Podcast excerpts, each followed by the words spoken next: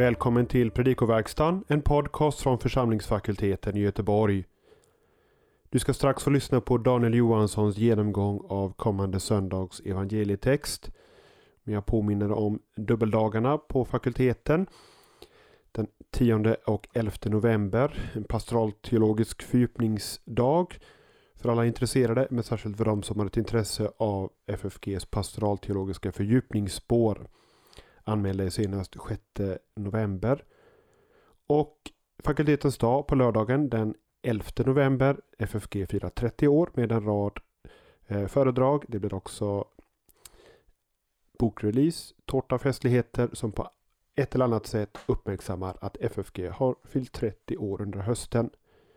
Det blir också under arrangemangen i höst särskilda erbjudanden på böcker och profilprodukter 30-årsfirande innebär ett specialpris 30 kronor för en rad olika produkter. FFGs speciella mugg, anteckningsblock, t-shirt, men också tidigare jubileumsböcker, Nord och sanning, Den mångfacetterade reformationen och Fri och bunden kostar endast 30 kronor under höstens arrangemang. Passa på! Men nu Daniel Johansson tredje årgångens evangelium på Alla helgons dag kommer från Lukas kapitel 6, vers 20 till och med 26.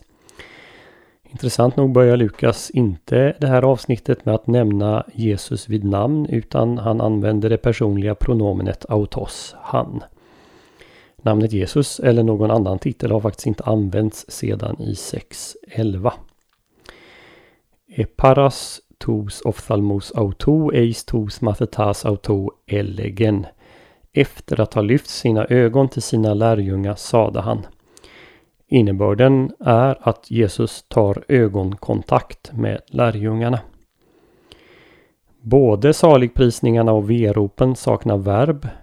Makarioi hoi ptochoi det här sättet att uttrycka sig reflekterar hebreiskan där de flesta välsignelser och förbannelser utelämnar verbet.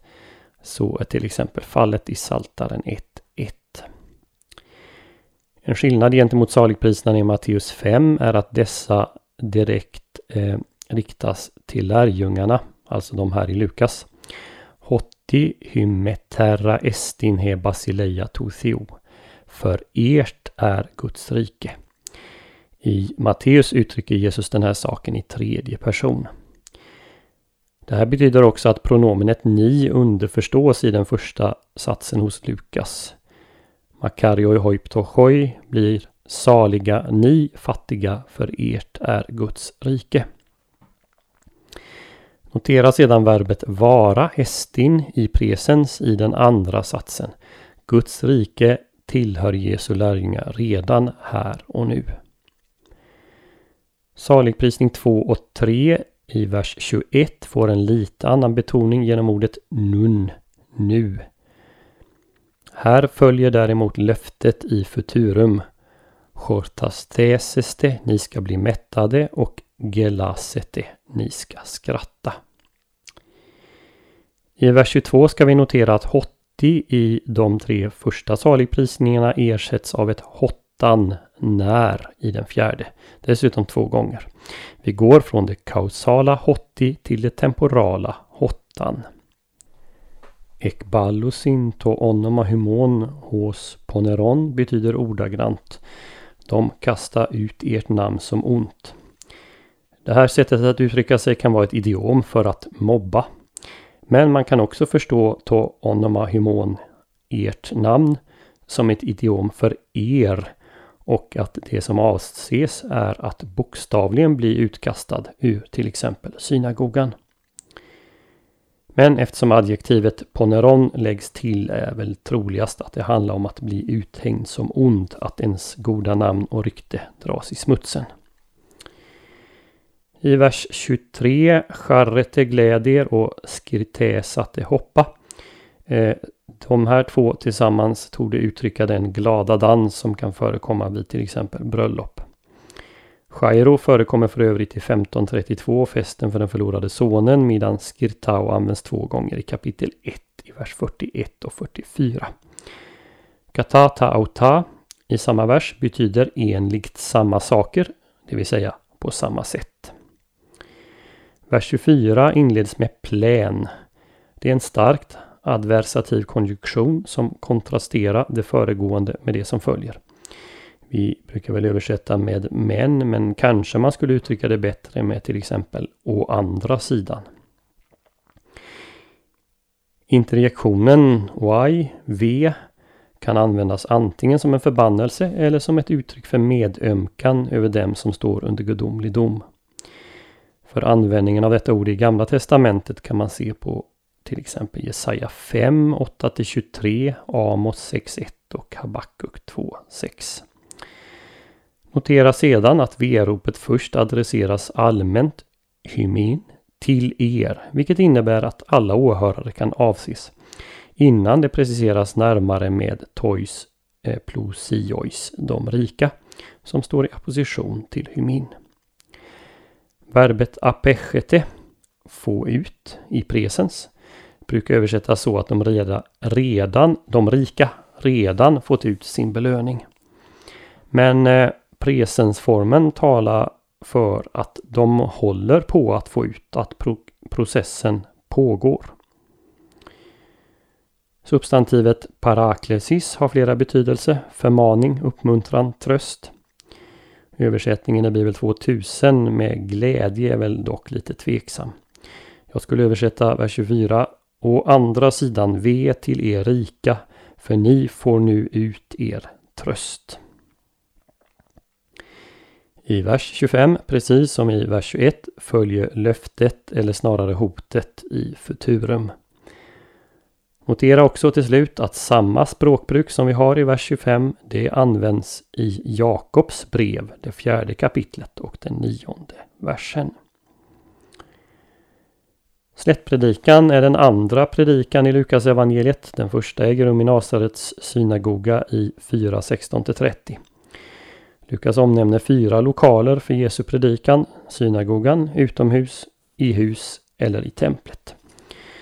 Slättpredikan är den första biten undervisning som är riktad specifikt till Jesu lärjungar och det är också den viktigaste sammanfattningen av Jesu undervisning i Galileen.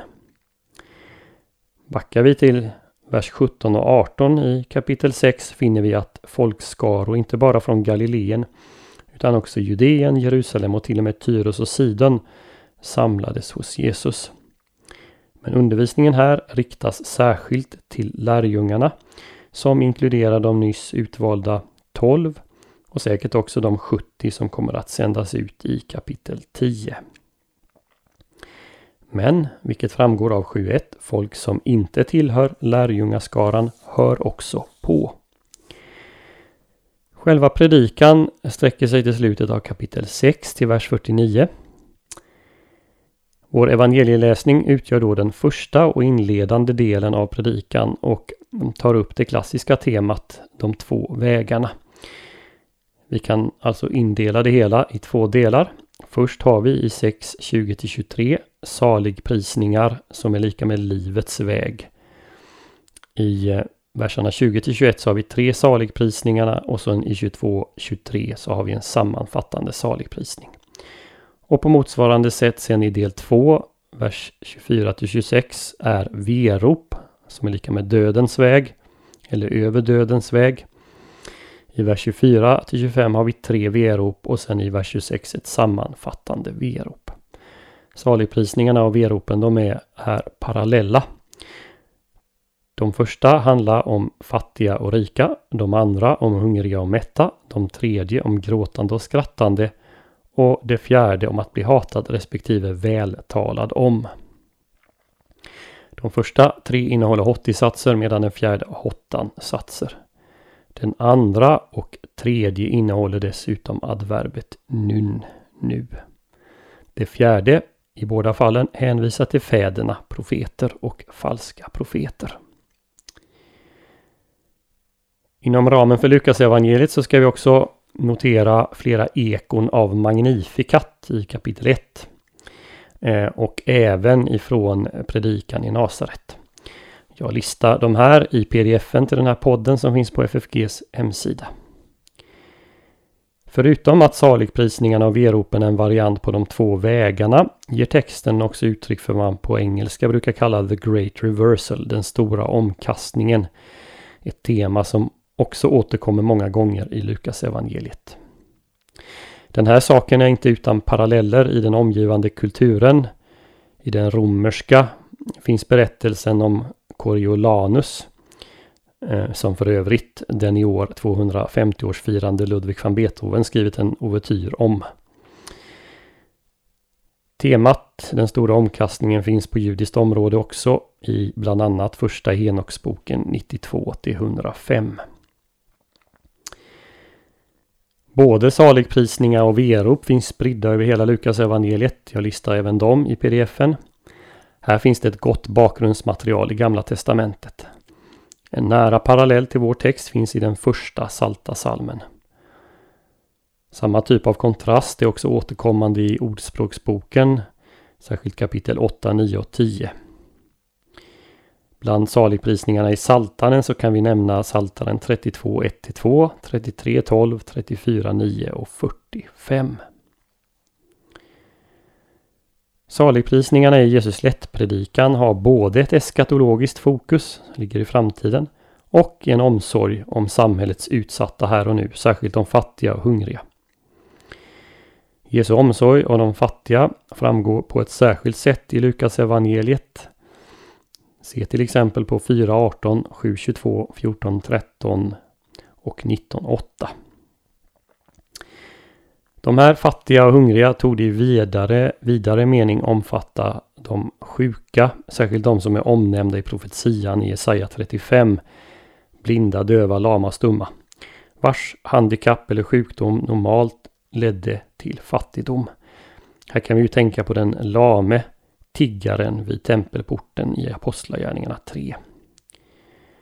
Det är just den här kategorin människor som inbjudan till bröllopsfest går ut till i liknelsen i Lukas 14, eh, verserna 15-24, sedan de välbesuttna ursäktat sig. Den andra saligprisningen anspelar också på den eskatologiska måltiden som utlovas i Gamla Testamentet i till exempel Jesaja 25 eller Saltaren 107. Även den här saken är ett återkommande tema hos Lukas 12.37, 13.29 och så liknelsen om måltiden i kapitel 14. Vi ska också lägga märke till att en mycket bokstavlig uppfyllelse av denna saligprisning sker i samband med Jesu brödunder. Eh, titta lite närmare på hur Lukas talar om den här saken i kapitel 9, vers 17.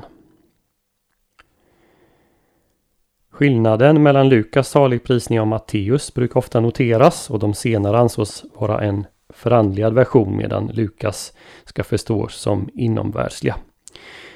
Problemet med den här ingången är att man läser in en distinktion eh, som nog inte finns eller fanns i verkligheten.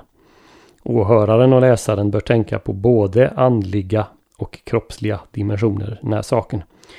Kristus själv är ju Guds son som har antagit mänskligt kött. I sin verksamhet frälser han både från onda andar och kroppsliga sjukdomar. Enligt predikan han håller i Nasaret i 4.18-19 så befriar han från all slags bundenhet. Att det inte är fråga om att fattigdom som sådan leder till att man tillhör Guds rike framgår också av den sista saligprisningen respektive veropet. Ställningen beror på ens förhållande till Guds rike och till Människosonen Jesus själv. Detta är en nyckel till förståelsen som vi finner i verserna 22 och 26. Det är nog troligt att man ska förstå den situation som beskrivs i saligprisningarna 1 till och med 3 som ett resultat av att man blivit utkastad och förtalad på grund av sitt förhållande till Jesus. Kristen tro får som social konsekvens fattigdom, hunger, sorg.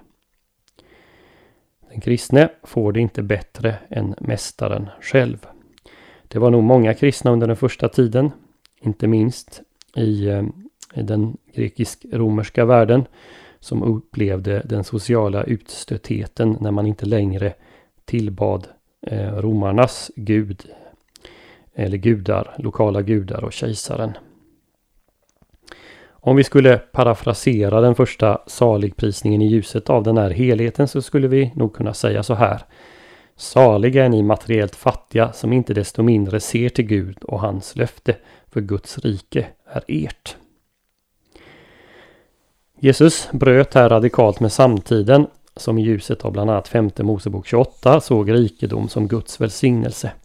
Och som väl, välbärgad så var det mycket lättare att till punkt och pricka uppfylla Guds lag. Något som ofta var omöjligt för de fattiga.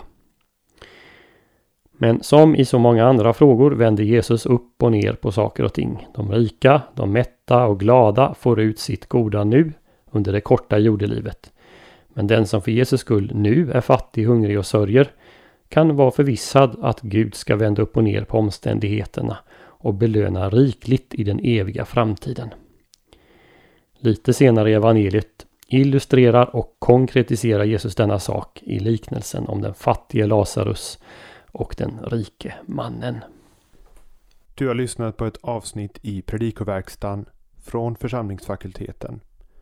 För att stödja FFG och för Predikoverkstans verksamhet ge en swishgåva på nummer 123 100 8457 eller på annat sätt som finns beskrivet och angivet på hemsidan www.ffg.se. På hemsidan hittar du också information om aktuell verksamhet och resurser som det är fritt att ladda ner och ta del utav.